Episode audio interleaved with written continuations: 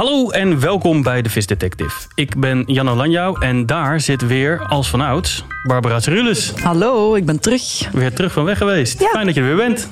Heel fijn dat ik hier ben, ja. Want vorige keer was je er niet bij, want toen eh, hadden we een studio vol met gasten. Ja. Waarvan er nu ook weer eentje aan tafel zit. Dus ik ben inderdaad niet alleen terug. We hebben nog iemand anders aan tafel zitten. Hij was er vorige keer ook al bij, maar dan eh, digitaal, denk ik. Het is eh, Steven Adolf. En misschien kunt jij hem even voorstellen, Jano.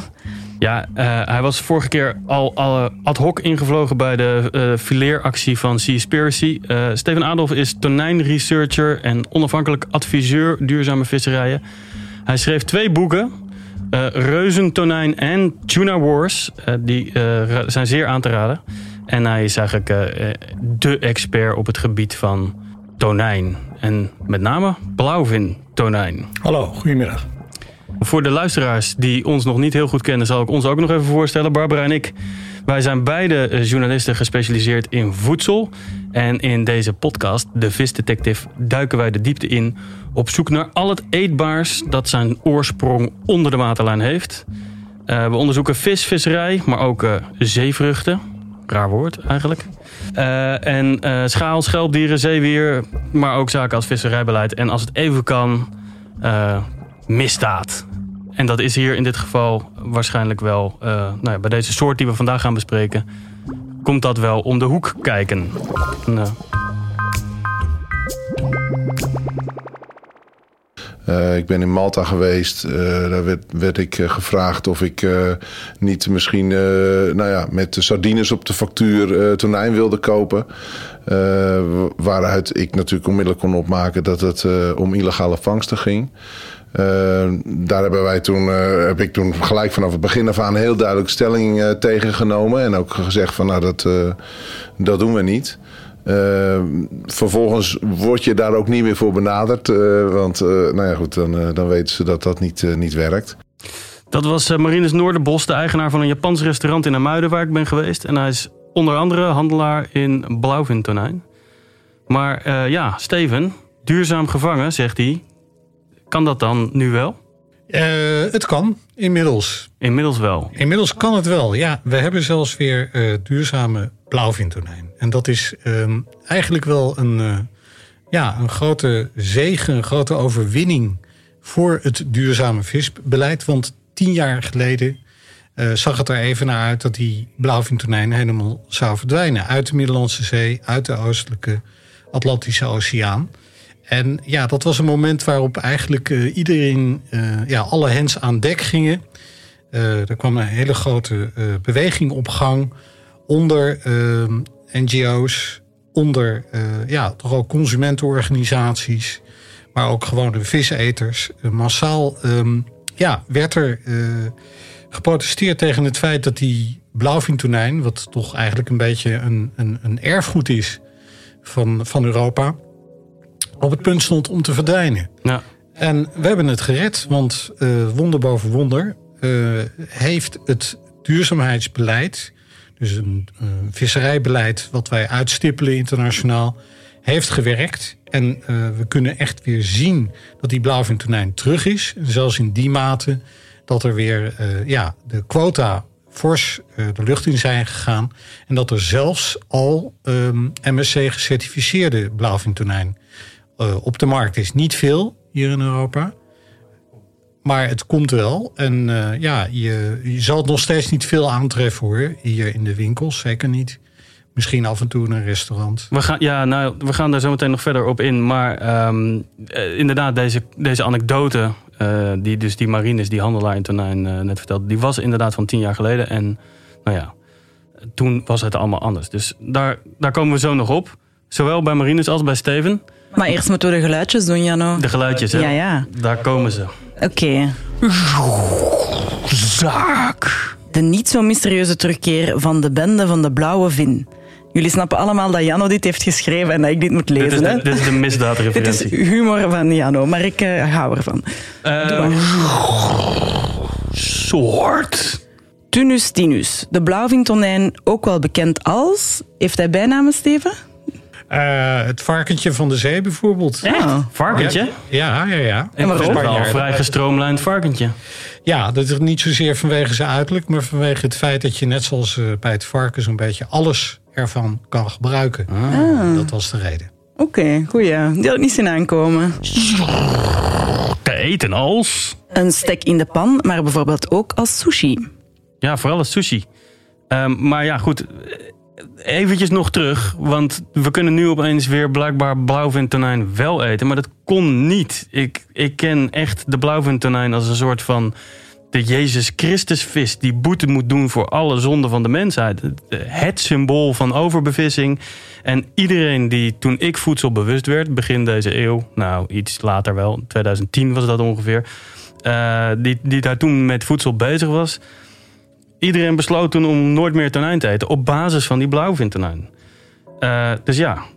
Wat ja, ik denk dat dat bij mij ook het eerste statement in voedsel was dat ik maakte. Ik heb daar zelfs eens een mega ruzie voor gemaakt met mijn vader op een eh, kerstfeest toen hij een grote kom tonijnsla op tafel zet en al mijn bewuste vrienden gingen op bezoek komen. Ik had helemaal een paniek.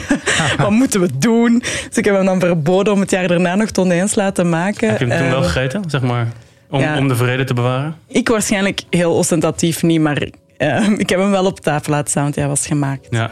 Maar eh, dus dan is hij daarna overgeschakeld naar zalm, Nee, sla. maar, dit, maar goed, jij hebt ook gebeld met Good Fish Ja, Foundation. ik heb even gebeld met Irene Kranendonk om te horen eh, hoe zij er tegenover staat en eh, wat de viswijzer zegt. Dus eh, we zullen even bellen eh, met Irene.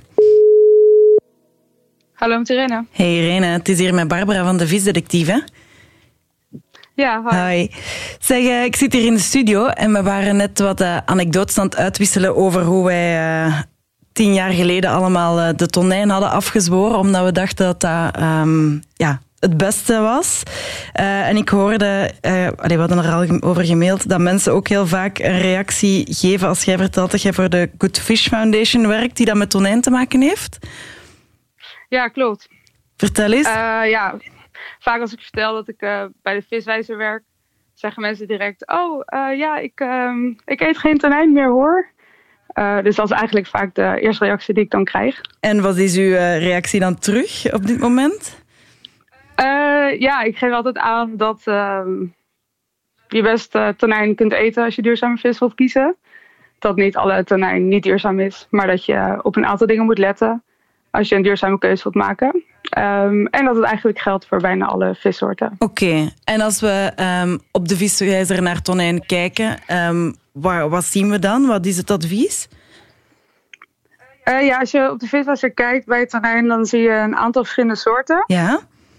Er zijn namelijk meerdere soorten tonijn op de markt. En eh, waarvan er een aantal duurzamer zijn dan de andere. Eh, sommige soorten, zoals de blauwvintonijn, zijn eh, ja- jaren, jarenlang eh overvist geweest. Ehm, die staat dus niet groen eh, op de viswijzer. Van de andere soorten zijn er zowel groene als niet-groene keuzes. Dus duurzame en minder duurzame keuzes. Oké, En dat is vaak afhankelijk van de vangstmethode. oké. Wat ik mij ook afvroeg van de tonijn in blik, welke tonijn is dat eigenlijk? En kunnen we die eten? Of kunnen we daaraan zien van waar die komt en hoe die gevangen is? Ja, dus op de meeste blikjes staat informatie over welke soort het is, waar die gevangen is en hoe. Oké, Ehm, de soort in de blikjes, dat is skipjack tonijn. Ehm, soms is het ook een andere soort, maar eigenlijk is skipjack tonijn eh, de soort die het allermeest in de blikjes zit. Het is ook de meest gevangen tonijnsoort ter wereld. En ehm, met eigenlijk bijna, eh, bijna alle bestanden van skipjack gaat het goed. Dus qua overbevissing zit je met een blikje tonijn eh, vaak eh, aan de goede kant, zeg maar. Het is vaak een duurzame keus. Maar het is wel heel afhankelijk van hoe die gevangen is. Dus ehm, wij zeggen altijd, bij, ook bij bliktonijn moet je even op de verpakking kijken wat de vangstmethode is. En dan op de viswijzer opzoeken hoe die scoort. En eigenlijk zijn handlijnen altijd een goede keuze. Oké, En ehm, daarnaast hebben veel blikjestonijn ook een MSC-keurmerk. Dus dat is dat blauwe logo. logo. Ehm, en dat is ook een eh, goede keus. oké. En voor de andere, ehm, ton- andere soorten, ehm, daar kunnen we dus ook bij de viswijzer kijken hoe, het, eh, hoe de situatie op, op elk moment verandert en wat, er, wat een goede keuze is. Ja, ja dat klopt. En ja, blauwvintonijn is dus nooit groen op de viswijzer. Die scoort of oranje of rood. Ehm, daarnaast wordt geelvintonijn ook veel geserveerd in Nederland. Dat is vaak de tonijnsteek die je kunt bestellen. Mhm. Ehm, dat kan ook blauwvintonijn zijn, maar dat is super duur. Dus waarschijnlijk, hoogstwaarschijnlijk is het geelvintonijn. Uh, en ook daarbij uh, kun je dus kijken naar de, de vangstmethode. Uh, om te kijken hoe het scoort op de viswijzer. Oké, okay, super. Keigoed, dankjewel. Dan gaan, we, dan gaan we met de rest van de opname verder. Ja, veel plezier. Merci, tot snel. doei, doei. Sterker nog, um, de bliktonijn is de meest geconsumeerde vis in, uh, ja, in veel landen in Europa. Met name in Nederland ook. Dat weten we niet. We denken altijd dat we veel haring eten uh, en makreel en dat soort dingen. Maar dat is dus niet zo. Als je kijkt naar gewicht, dan kom je toch echt op, op de tonijn. Ik dacht oh ja, dus... dat dat tilapia was. nee, nog steeds niet. Volgens Bliktonijn. Mij. Ja. De meest gegeten vis. Ja, als je alle broodjes zaken, alle... Het is inderdaad ja, ja, ja, zo... Mm -hmm. um, alomtegenwoordig, kan ik me wel voorstellen. Jij zei de var het varkentje van de zee. Maar volgens mij kennen we hem ook wel als de kip van de zee. Kip van de zee. Of is, dat, is dat dan weer... Maar dat is weer, dat is weer een andere soort tonijn. Dat is de, de, de, de witte tonijn of albacore. Omdat die, die heeft een vleessoort die wat witter is. En die lijkt inderdaad uh, op kip. Chicken of the Sea. Chicken of the Sea. Ik heb uh, ook een anekdote. Uh, want nou ja, ik zei net al dat ik voedselbewust werd uh, rond 2010. Dat is niet toevallig, want toen richtte ik het Food Film Festival op. Is hier al eerder voorbij gekomen. En in 2012 hadden we een superleuk programma. Echt een Food Film Festival programma. Waarbij we eigenlijk twee films en een workshop aan elkaar koppelden. En dat was de fantastische voedseldocumentaire Hero Dreams of Sushi.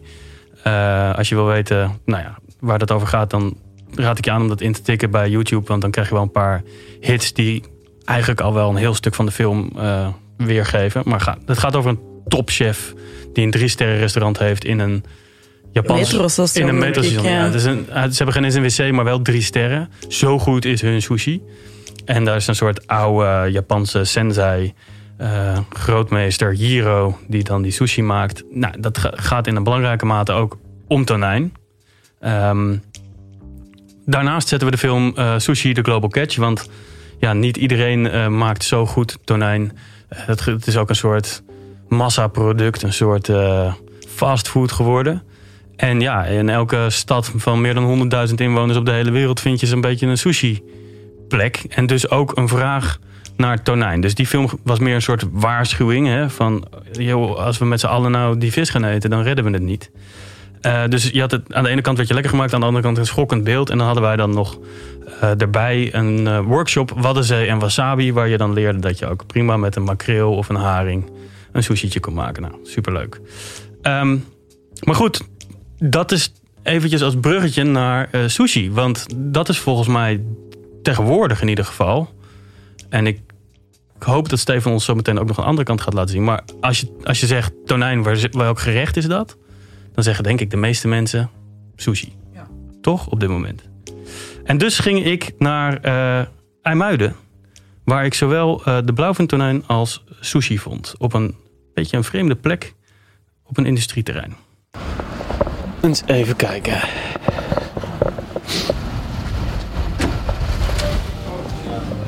Goedemiddag.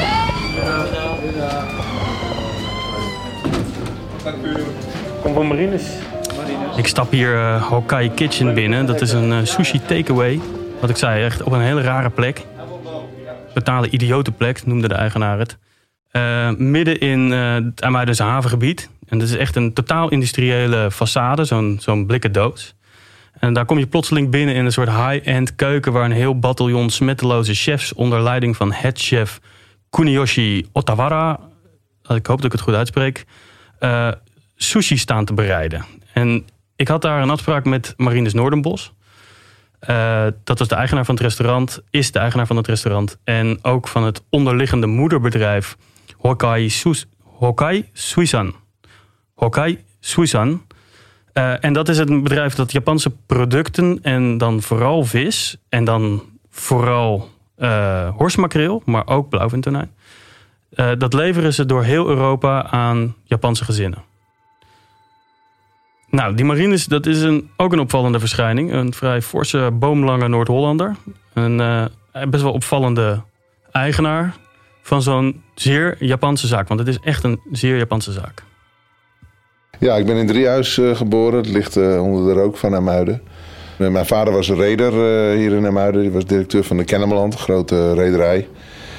Die had van die grote schepen varen. Die, en, en, nou ja, goed. Hij had veel handel naar, naar Japan. Hij verkocht horsmakreel naar Japan.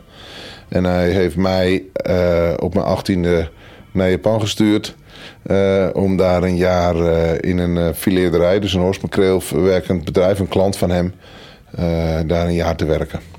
Dus jij werd er eigenlijk op uitgestuurd om uh, de horsmakreel-export naar Japan meer te onderzoeken en veilig te stellen, kijken naar wat kansen waren, dat soort zaken? Ik, ik weet niet of het zo ver doorgedacht is, maar in ieder geval voor mij was het een, uh, een, een, gouden greep. Want uh, ik ben helemaal verliefd geworden op het land. ik heb mijn vrouw daar leren kennen. Ik heb gezien hoe die mensen met hun eten omgaan en daarvan kunnen genieten.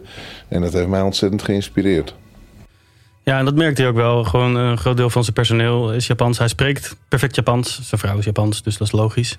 Uh, en zo'n 10.000 gezinnen in Europa bestellen met regelmaat dus Japanse producten bij hem. Vooral, nou ja, de, de basis van het bedrijf is dus horsmakreel geweest. Maar ook duurzame blauwvintonijn, die hij importeert vanuit vetmesterijen uit het Middellandse zeegebied. Wat dat zijn, daar komen we zo meteen nog op. Maar ja, want dat moet wel, want zonder tonijn kan je geen sushi maken. Tenminste, dat vindt hij. Tonijn. Ja, tonijn is een hele belangrijke uh, uh, voor, voor, voor de sushi en voor ons ook. Uh, drie soorten, hè? de akami, de chutoro en de otoro. zijn allemaal alle drie onmisbaar als ingrediënt voor sushi. Wat zijn dat? Uh, je bedoelt die drie varianten. Uh, nou ja, je hebt een tonijn. Uh, de tonijnen die wij gebruiken, bluefin tonijn uit de Middellandse Zee. Ehm, die hebben ehm, eigenlijk drie delen die, die wij willen hebben. de tonijn heeft onderhuids, dus vlak onder de huid, heeft hij een vetlaag om zich tegen het koude zeewater te, te beschermen. Dat is de Chutoro, dat is middelvet. Uh, verder is de buik, de buikflappen, zeg maar. Dat is het, uh, het summum, hè, wat, uh, het neusje van de zalm of het buikje van de tonijn. dat is het, het meest vette gedeelte. En verder bestaat die voor ongeveer 70% uit rood vlees. dus de hele rest van zijn, van zijn lichaam is, is rood vlees. En dat zijn de drie gradaties die we, die we, die we hebben. Ik heb ook gezien hoe hij dat verwerkt um, die tonijn. Want dat is ook nog wel een, uh, een lastige kwestie. Het is nogal een gevoelige vis. Hij is heel vet. En daarom moet je hem dieper vriezen dan uw gewone diepvries. Ja, en hij, dat, nou goed, als je zeg maar. Marine is sowieso een goede prater, maar als je hem over vriezen helemaal aan het praten krijgt, dat, dat doen de meeste mensen dus verkeerd. En de meeste vis is verkeerd bevroren. En hij vindt vriezen iets heel moois. Uh, wat een notoir slechte naam heeft. Om, en dat, daar had hij ook een verklaring voor. Want hij zei, ja, kijk, vroeger had je vishandelaren... en die, die legden dan de vis een tijd lang te, uh, ter aanbod hè, in de verkoop. Dus die lag dan een paar dagen ouder te worden. En dan op een gegeven moment had niemand hem gekocht... en dan vroegen ze hem snel in. En dan kon je hem uit de diepvries halen. Maar ja, dat is dus een verre van verse vis. Terwijl hij had het de hele tijd over uh, vers vries. En dat is dus direct eigenlijk na de vangst gedaan... Ja, dan heb je het meest verse vis die er maar is. Overigens gebeurt dat dus niet met tonijn. Uh, maar dat vertelt hij zelf als wij in zijn zeer koude vriezer kijken. Dit zijn uh, de vriezers die wij voor de tonijn uh, gebruiken. Hier min 65. Ehm, hier hebben we de, de verpakkingen. dit is dan de Chew Toro. Sorry, Otoro. buikstuk. Um, nou ja, deze kleur, zeg maar, als je dit ontdooit, dan komt het nog weer wat roziger zeg maar, uit. Uh, dit hou je alleen maar goed als je dit hier in deze, op deze kou uh, bewaart. Dus dat is min 160? Nee, min 60. Min 5, min Oh, sorry, min 60. Ja, ja. En uh, op het moment dat dit naar de klant gaat, een klant heeft natuurlijk thuis geen min 60 vriezer, uh, geven wij eigenlijk nog twee weken houdbaarheid. Op zich is het product natuurlijk veel langer houdbaar in de diepvries. Uh, alleen dat doen we omdat we graag willen dat de klanten het snel gebruiken. om te voorkomen dat in hun vriezer de kleur gaat veranderen.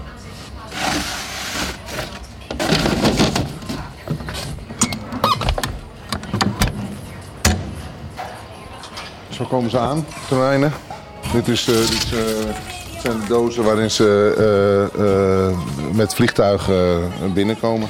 Maar zijn ze dan al bevroren? Nee, zijn ze ver. Deze zijn vers. Dus wij kopen ze, we, we, bestellen ze. Nou, dan worden ze uit die pons gehaald, uit die, uit die cages, zeg maar.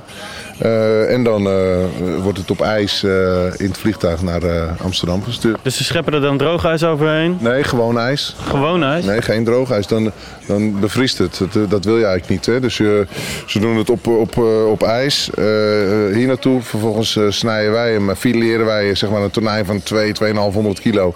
Die, die fileren we naar die blokjes die je net zag van 2 ons. En dat vriezen we heel snel in. Dan vriezen we het door naar, naar min 60. En, van, en op die manier verkopen we het. En dat is misschien ook wel waar chef, dan moet je zijn naam... Otawara. Chef Otawara echt voor ging. Dat jullie van deze, nou ja, wat is het? Dit is anderhalve meter. Ja, precies. Kijk, dat is natuurlijk het, het voordeel dat wij uh, uh, aan, uh, aan particulieren verkopen en op grotere schaal verkopen. Dat, dat is wat hem erg aantrok. Ja, als we op deze manier tonijn kunnen binnen laten komen of nou ja, andere, andere vissoorten. Daar heb je gewoon een beetje omvang voor nodig. Dat hadden jullie. En daarom kan hij nu met de nou ja, allermooi, ja, dat hij ook dat fileren. Nou ja, ik zie zo'n klassiek beeld van zo'n Japanse vismarkt vormen. Nee, precies, dat klopt. Dus dat is de, dat is de reden. Dat hij, ja, als je, je hebt wat schaal nodig natuurlijk om uh, dat soort producten te kunnen inkopen. Ik stond er dus in een, uh, in een ja, dat echt een werkvloer die dus aan het restaurant vastzit. Uh, naast een enorme piepschuimdoos. Echt heel groot, wel anderhalf, twee meter. En dan, ja, daar zat dan zo'n hele verse tonijn in.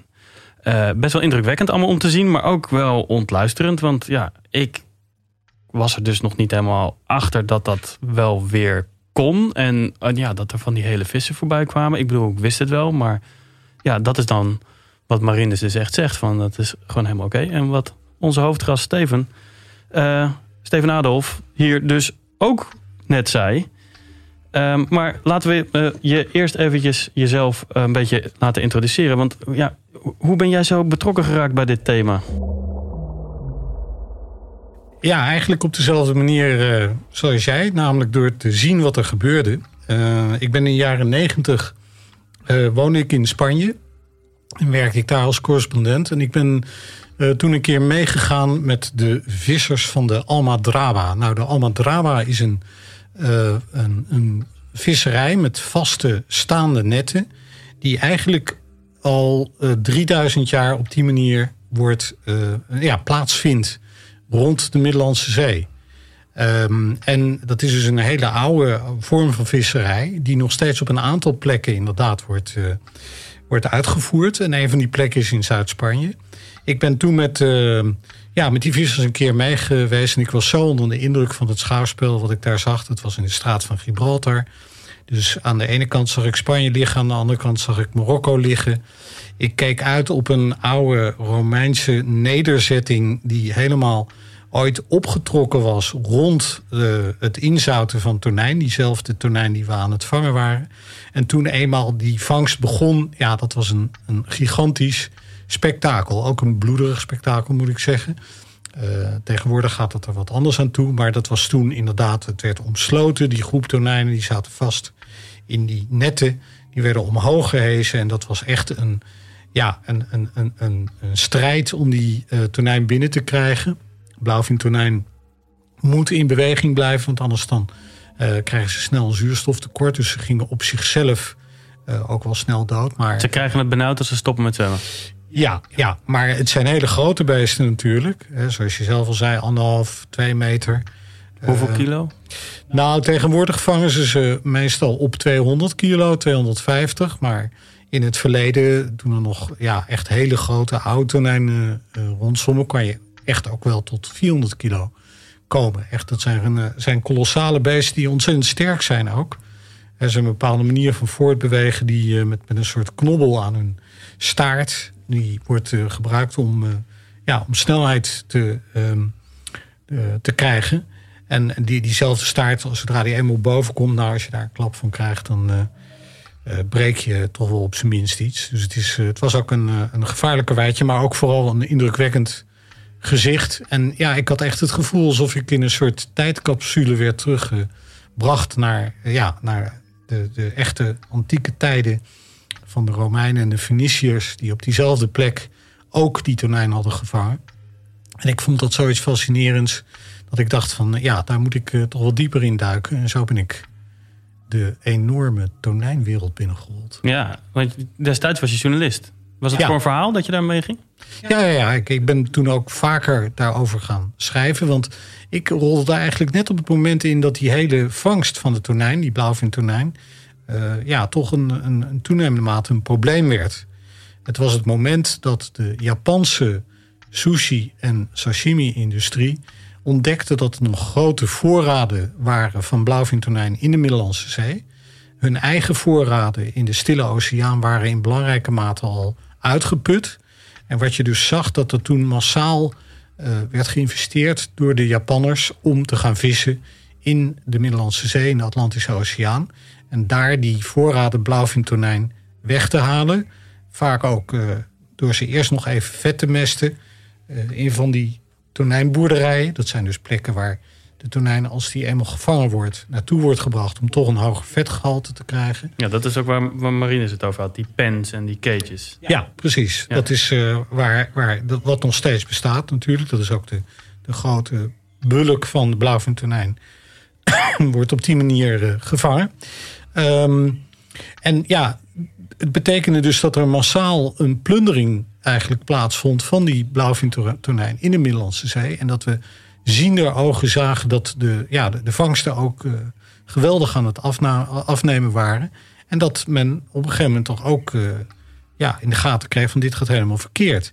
Die plek daar eh, in, de, in de Middellandse Zee, met name bij de straat van Gibraltar, is vrij uniek omdat, omdat er al zoveel eeuwen daar op die blauwvintonijn is gevist.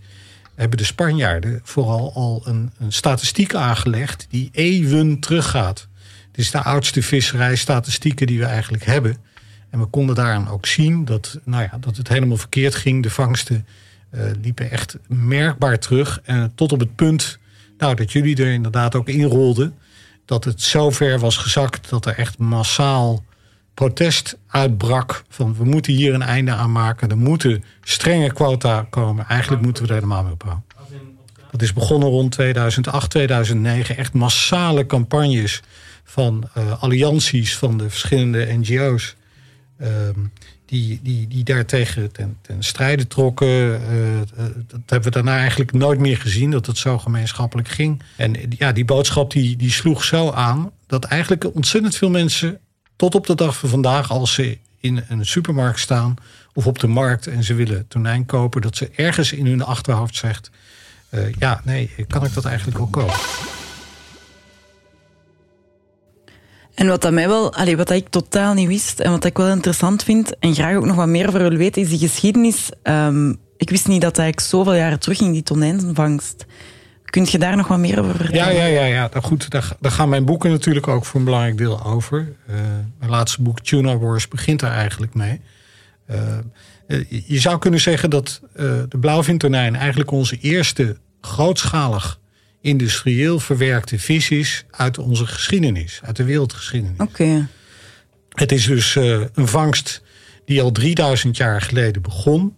eh, die geïntroduceerd is eh, met name door de Feniciërs. Die hebben die vangstmethodes, ook die vaste netten, de almadraba, eh, geïntroduceerd in, in het westelijk gedeelte van de Middellandse Zee. Die hebben het meegenomen. Dat, het was een handelsvolk die hè, dus hun, hun grote nederzettingen ja, verspreid over de eh, Middellandse Zee en tot, tot in de Atlantische Oceaan aan de kusten bracht. Maar vaak deden ze dat in combinatie met die eh, blauwvintonijnvisserij. En daarbij grote installaties van inzoutputten om die eh, tonijn, eh, die dus op grote schaal werd gevangen, in te zouten en vervolgens in amfora te vervoeren over het hele Middellandse zeegebied en tot verder buiten. Amphora, dus van die kruiken. Ja, ja een beetje op een handige manier, maar goed, het, Ja. eh, dat was in die tijd nou eenmaal. De, Met zo'n punt dat je hem niet neer kan zetten. Precies. maar goed, die, ehm, die methode is overgenomen door de Romeinen. Eh, die, die hebben dat nog verder uitgebouwd. En ja, dat, dat werd echt grote handel en grote, hè, grootschalige aanpak. En was het toen al wat je noemt industrieel? Ja, absoluut. Dat, Eh, dus, dus toen was het al. En wat is dan je graadmeter. graadmeter daarvoor? Ja? Nou, we kunnen tot op de dag van vandaag terug eh, zien, bijvoorbeeld in die opgravingen daar in het zuiden van Spanje, Bologna heet dat. Ehm, dat is een, een oude nederzetting van de Romeinen. En, en daar kan je nog steeds de, de ja, grote aantal putten zien waarin die, ehm, eh, ja, die tonijn werd ingezouten. En aan de capaciteit van, van die putten kunnen we zien dat het echt om, om grote hoeveelheden ging, echt duizenden kilo's die vervolgens werden eh, verspreid over het hele handelsgebied. En dat, die putten vinden we dus terug langs de hele Middellandse Zeekust en ook een deel van de Atlantische Oceaan. Oké. Indrukwekkend, wist ik echt niet. Later is dat ook eh, ja, toch weer teruggekomen in de middeleeuwen, met name de Spanjaarden. Maar ook de Italianen, die hebben er ja, eh, nog steeds op grote schaal op gevist. En het werd de basis ook van de eerste blikindustrie, toen die eenmaal opkwam. Eh, en, en ja, de basis van eigenlijk onze tonijnindustrie, zoals we die nu kennen, uitgebreid naar ontzettend veel andere soorten, eh, die vervolgens ook werden gevangen. Maar de basis is toch onze plavintonijn. ja. Dus zodra we het blikje hadden uitgevonden, stopten we de tonijntjes, tonijnen in eigenlijk. Ja, toen, toen begon het pas echt goed. Toen begon het wereld, wereldwijd natuurlijk. Eh, dat begon ook aanvankelijk met blauwvintonijn. Maar gaandeweg door nieuwe vistechnieken en eh, ja, kwamen daar alle, allerlei andere soorten bij. De geelvintonijn bijvoorbeeld is een belangrijke bliktonijn. De albacore. En eh, bijvoorbeeld ook ja, de, de tonijnsoorten die, die we nu daarin terugvinden, zoals de skipjack. Dat is op dit moment eigenlijk, als je een blikje opentrekt, heb je dikke kans dat je een skipjack eh, tonijn tegenkomt. En blauwvintonijn, nou, daar moet je echt wel voor zoeken. Wil je dat in een Dat is blikje? veel te duur. Ja. En het is te duur. Ja.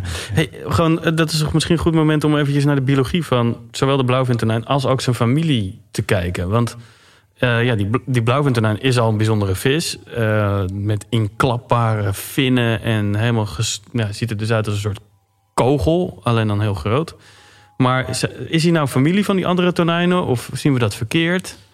Nee, de meeste tonijnen zijn wel degelijk eh, familie van elkaar. Eh, sommige wat verre, verdere neefjes, zoals skipjack, eh, is niet direct een tonijn. Maar goed, die rekenen we er dan gemakshalve maar even bij. Dat is een makreel, of niet? Ja, ja, eigenlijk meer wel. Maar Nou ja, gewoon om mensen ook eventjes een idee te geven. Want de meeste mensen kennen wel een makreel als een soort heel...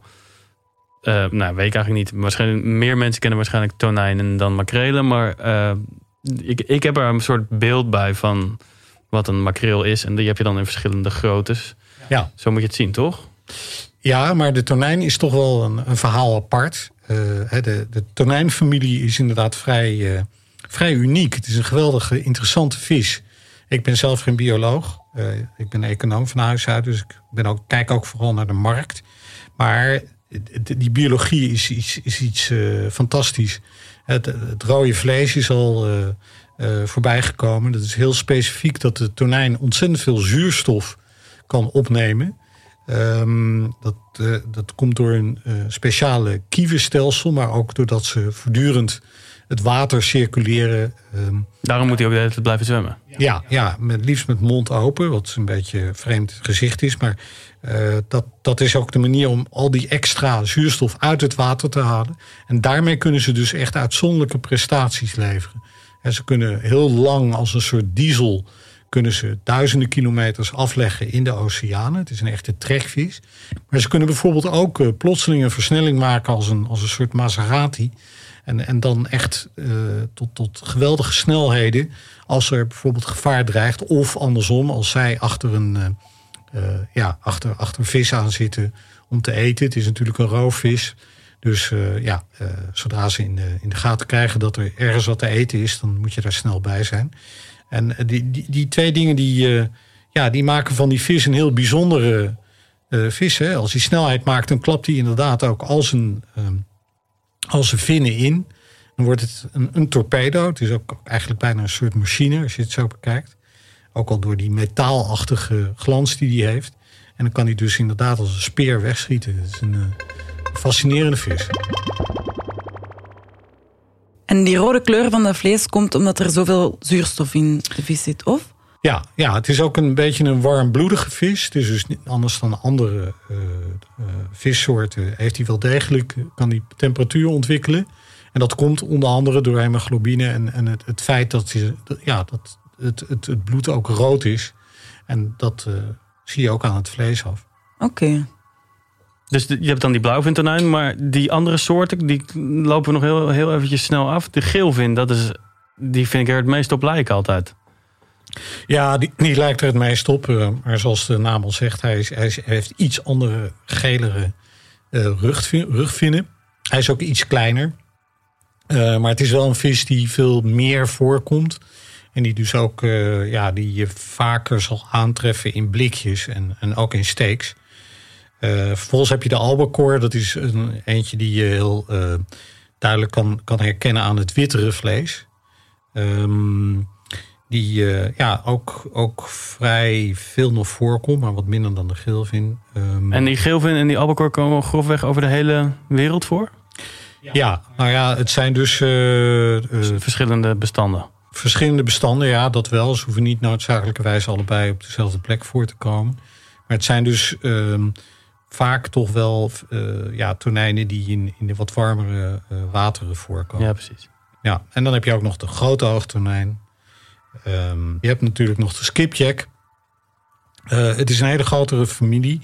Dat maakt het ook ja, vaak ingewikkeld. Hè? Het is een hele wetenschap om te kijken waar welke vis vandaan komt, uit welk bestand en hoe het daarmee staat. Want dan kom je inderdaad in het terrein van uh, ja, wat is duurzaam en wat niet.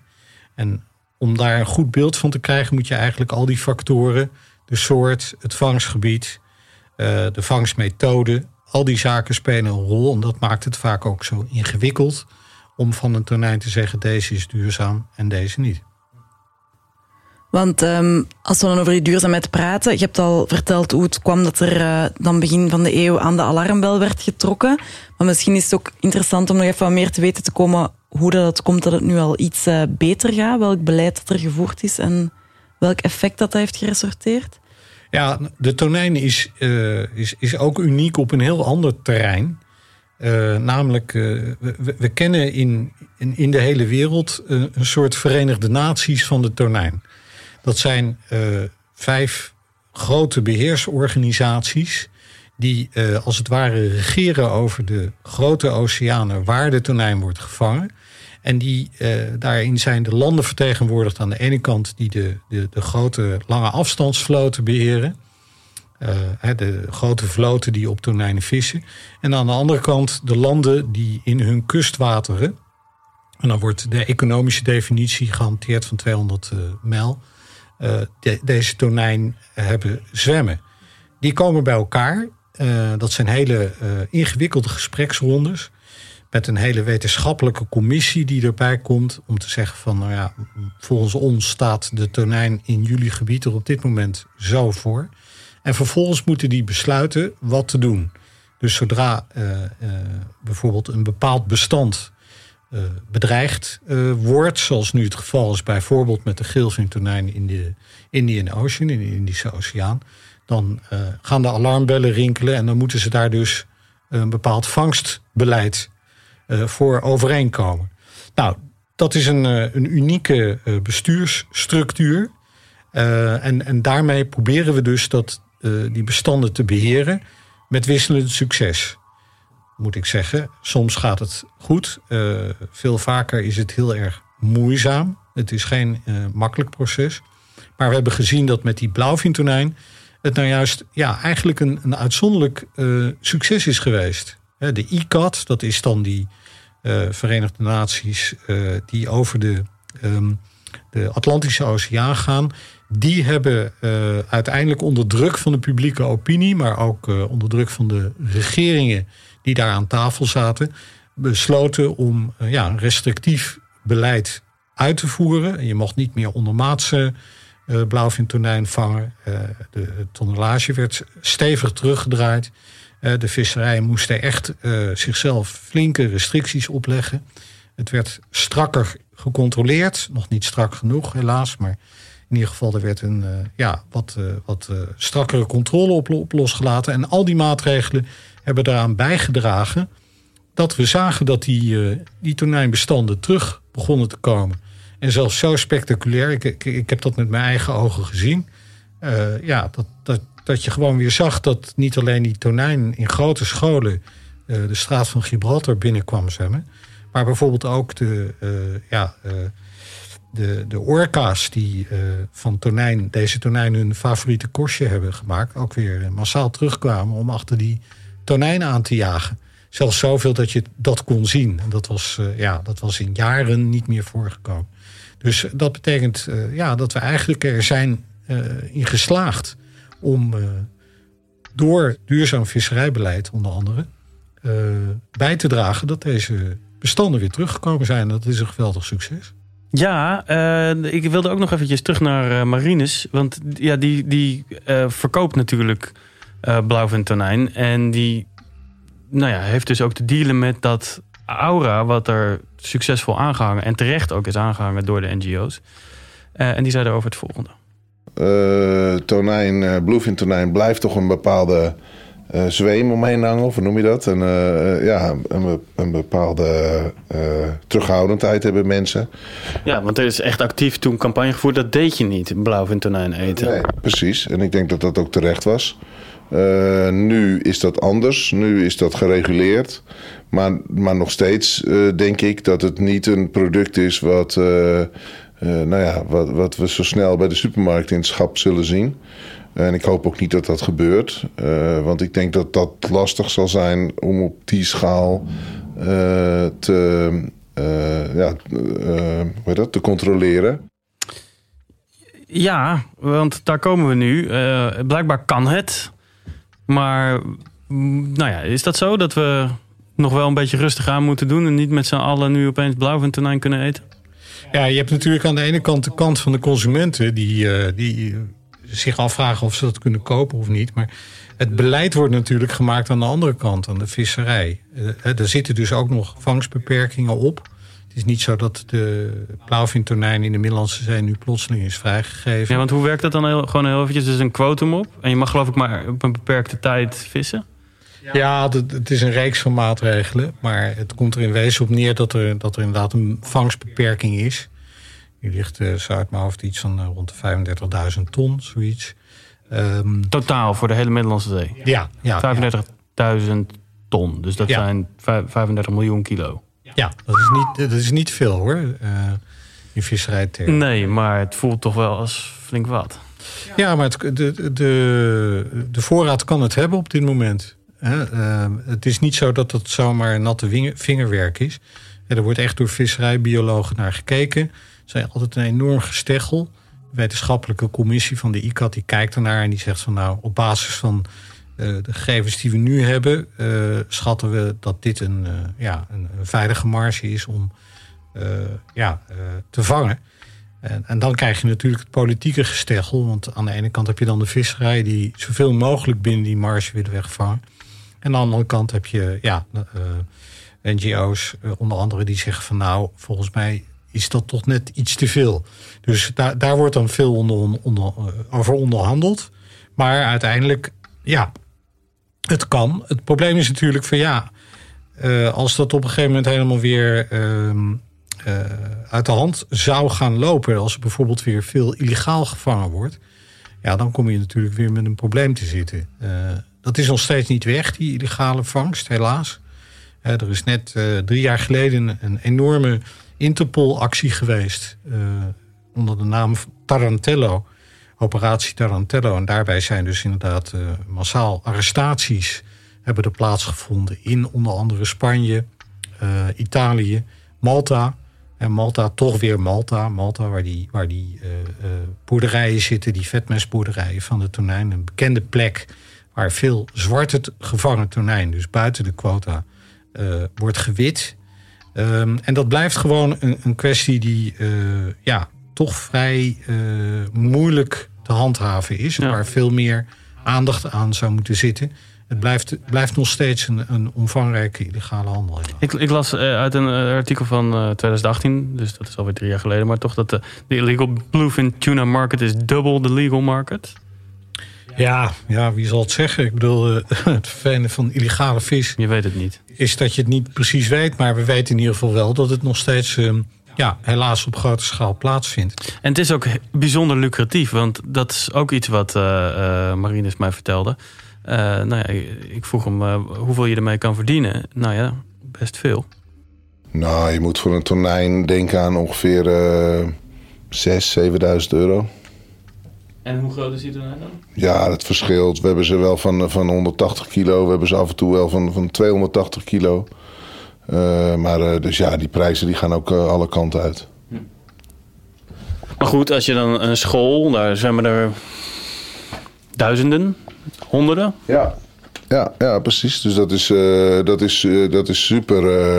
ja, voor visserlui is dat natuurlijk super lucratief. Dat is, als zij zo'n school zien, vissers, Steven, dan is dat miljoenen. Ja, dat kan het inderdaad zijn. Uh, het is niet voor niets dat bijvoorbeeld ook uh, de, de, de dictatoriale regimes in Noord-Afrika van, van Libië en, uh, en, en, daaromheen ook een aantal andere landen.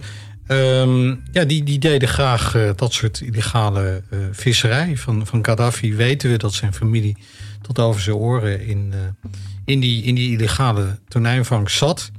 Uh, want ja, je kan er veel geld mee verdienen. Nu is het wel zo dat die uh, prijzen iets naar beneden zijn gegaan. Juist omdat het weer beter gaat met die blauwvintonijn. Dus er is ook weer meer beschikbaar. Uh, en ook omdat er een beetje meer, ja, gek genoeg, wat meer tonijn in, in Europa zelf blijft. En daar worden niet toch wat lagere prijzen betaald dan, dan in Japan het geval is. Maar niettemin, ja, je kan er inderdaad met die illegale handel nog steeds veel geld verdienen. Dat is natuurlijk ook de reden waarom het nog steeds plaatsvindt. En waar vindt dat dan zijn aftrek, die illegale handel? Ja, restaurants uh, voornamelijk. Dat is het uiteindelijke punt waar het, waar het terecht komt. En de groothandel natuurlijk. Het, het, het is moeilijk, het is een ingewikkeld uh, verhaal om dat in de gaten te houden. En ik, ik vind ook dat er veel meer aandacht en moeite voor gedaan moet worden. Het zal altijd wel een, probleem blijven, maar uh, ja, het, uh, we moeten daar scherp op zijn en ook veel meer tijd en moeite in steken om, uh, om dat aan te pakken. Ja, want dit is ook dat teasertje helemaal aan het begin waar Marinus het over had. Nou ja, dat, hij kreeg dan zo'n aanbod terwijl hij op Malta was. Hij doet daar tegenwoordig geen zaken meer, maar dat was tien jaar geleden. Uh, hier is het fragment eventjes in zijn geheel. Uh, ik ben in Malta geweest. Uh, daar werd, werd ik gevraagd of ik niet misschien nou ja, met sardines op de factuur tonijn wilde kopen. waaruit ik natuurlijk onmiddellijk kon opmaken dat het om illegale vangsten ging. daar hebben wij toen, heb ik toen gelijk vanaf het begin af aan heel duidelijk stelling tegen genomen. En ook gezegd van nou dat, dat doen we niet. Uh, vervolgens word je daar ook niet meer voor benaderd. Uh, want uh, nou ja, goed, dan, dan weten ze dat dat niet, niet werkt. Nou ja, hij zegt eigenlijk dat het nu steeds, nou ja, wat jij ook al zei, dat het zo aantrekkelijk wordt om het legaal te doen of zo makkelijk, dat het zichzelf versterkt, dat het gewoon goed blijft gaan. Ja, nou ja, goed, dat is ook een manier om het te stellen. Ik denk dat het, dat het eerder ook, ook zo is dat je, je pakkans natuurlijk vergroot wordt. Ja. En, en ja, dat de manier waarop de controle plaatsvindt, uh, zeker in Europa natuurlijk ook steeds strakker wordt. Je hebt vangcertificaten. En je, je moet het papier, uh, maar uh, vervolgens vermoedelijk ook snel elektronische documenten hebben waar die vis precies vandaan komt. Het wordt steeds met die, met die elektronische documenten wordt het hopelijk ook steeds moeilijker om dat te vervalsen. Um, dus wat dat betreft zijn we wel op de goede weg. Maar het is nog steeds ja, een kwestie van, uh, van goed duurzaam beheer. En dat, ja, dat, dat blijft essentieel voor het in stand houden van, van zo'n uh, bestand zoals we hebben. Steven, jij hebt wel eens gezegd dat ja, als je de tonijn weet op te lossen, dan kan je alles. Ja, nou ja, dat is een beetje een, een metafoor natuurlijk. Maar ik denk wel degelijk van als je zo'n complexe vis als het tonijn, als je daar een duurzaamheidsbeleid voor weet te ontwikkelen, dan kan je echt alle vissen. Uh, ja, en, want waarom is die complexer? Nou, omdat de tonijn uh, een geweldige wereldwijde vangst is. Met hele lange ketens. Dus uh, voordat die tonijn bij jou in het blikje of op je bord terechtkomt, heeft hij ja, een enorme reis afgelegd. Niet alleen in, in kilometers. Een hoop komt van de andere kant van de aardbol. Maar ook met ontzettend veel tussenstappen. Dus het is een, is een hele keten die begint bij de visserij en dan vervolgens bij de verwerking, bij de handel, bij de groothandel, bij de retail. Al die stapjes eh, eh zorgen ervoor dat het ook moeilijk te controleren is, moeilijk te beheersen. Um, ja, dat alles bij elkaar maakt het een heel ingewikkelde vis om te beheren. Maar aan de andere kant hebben we al structuren daarvoor, zoals die beheersorganisaties, die Verenigde Naties van de tonijn, die vrij uniek zijn. Dus die, die zaken zijn er. Ehm, als het hiermee lukt, dan uh, zou het ook moeten lukken bij een hoop andere vissen. Ik ben ervan overtuigd dat, dat tonijn en, en visserij een van de oplossingen biedt voor uh, ja, een hoop van de ecologische en voedselproblemen waar we nu voor staan. Ik denk dat we aan het punt, het begin staan van een hele ontwikkeling op dat gebied waarin de oceanen een centrale rol gaan spelen. Uh, ook in klimaatverandering en hoe we dat aanpakken. En ik denk dat de samenwerking uh, op dat gebied ook uh, nog heel interessante ontwikkeling kan doormaken. Dat is ook iets waar ik, ja, waar ik graag aandacht voor vraag.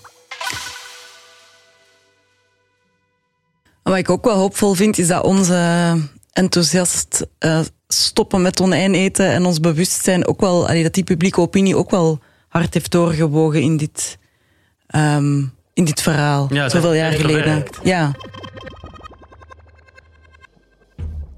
Ja, Barbara, daarmee komen we denk ik aan het einde van uh, de zesde aflevering van de Vis Detective. En daarmee ja. het eerste seizoen. Bijzonder, hè? Het is achter de rug. Uh, het was erg leuk om te doen. Ja, dank u dat ik mee mocht doen. Nou, ik was vereerd. Ik was heel blij dat je erbij was. Uh, allereerst wil ik nog eventjes voor deze aflevering de gasten danken. Steven Adolf, zeer bedankt dat je er was. Graag gedaan. En ook Marinus Noordenbos, die ik uh, uitgebreid sprak in IJmuiden over ja, de handel in blauwvintonijn. Zeer bedankt. En mocht u als luisteraar nou een keertje zin hebben in heel klassieke, echte, goede sushi... dan raad ik zeker aan om daar eens een keertje te gaan kijken. Maar dat is geheel mijn persoonlijke mening. En dan bedanken we ook nog Irene Kranendonk van de Good Fish Foundation. En die bedanken we in het algemeen ook om uh, deze aflevering mee mogelijk te maken, de Good Fish. En dan uh, bedank ik u, Janno, voor de leuke samenwerking. Ja, nou, eens gelijks. En natuurlijk ook Dag en Nacht Media, Dag en Nacht Studio's, waar wij nu zitten. Uh, Volkert en Anne speciaal, want die hebben wij nou, veel te danken. Die het leven al, moeilijk gemaakt. Die hebben wij het leven moeilijk gemaakt. En ze hebben veel, veel gedaan om het uiteindelijk deze Vis Detective tot stand te brengen. Dus allemaal zeer bedankt. En hopelijk tot volgend seizoen. Biertje. Biertje. Santé, hè. Santé.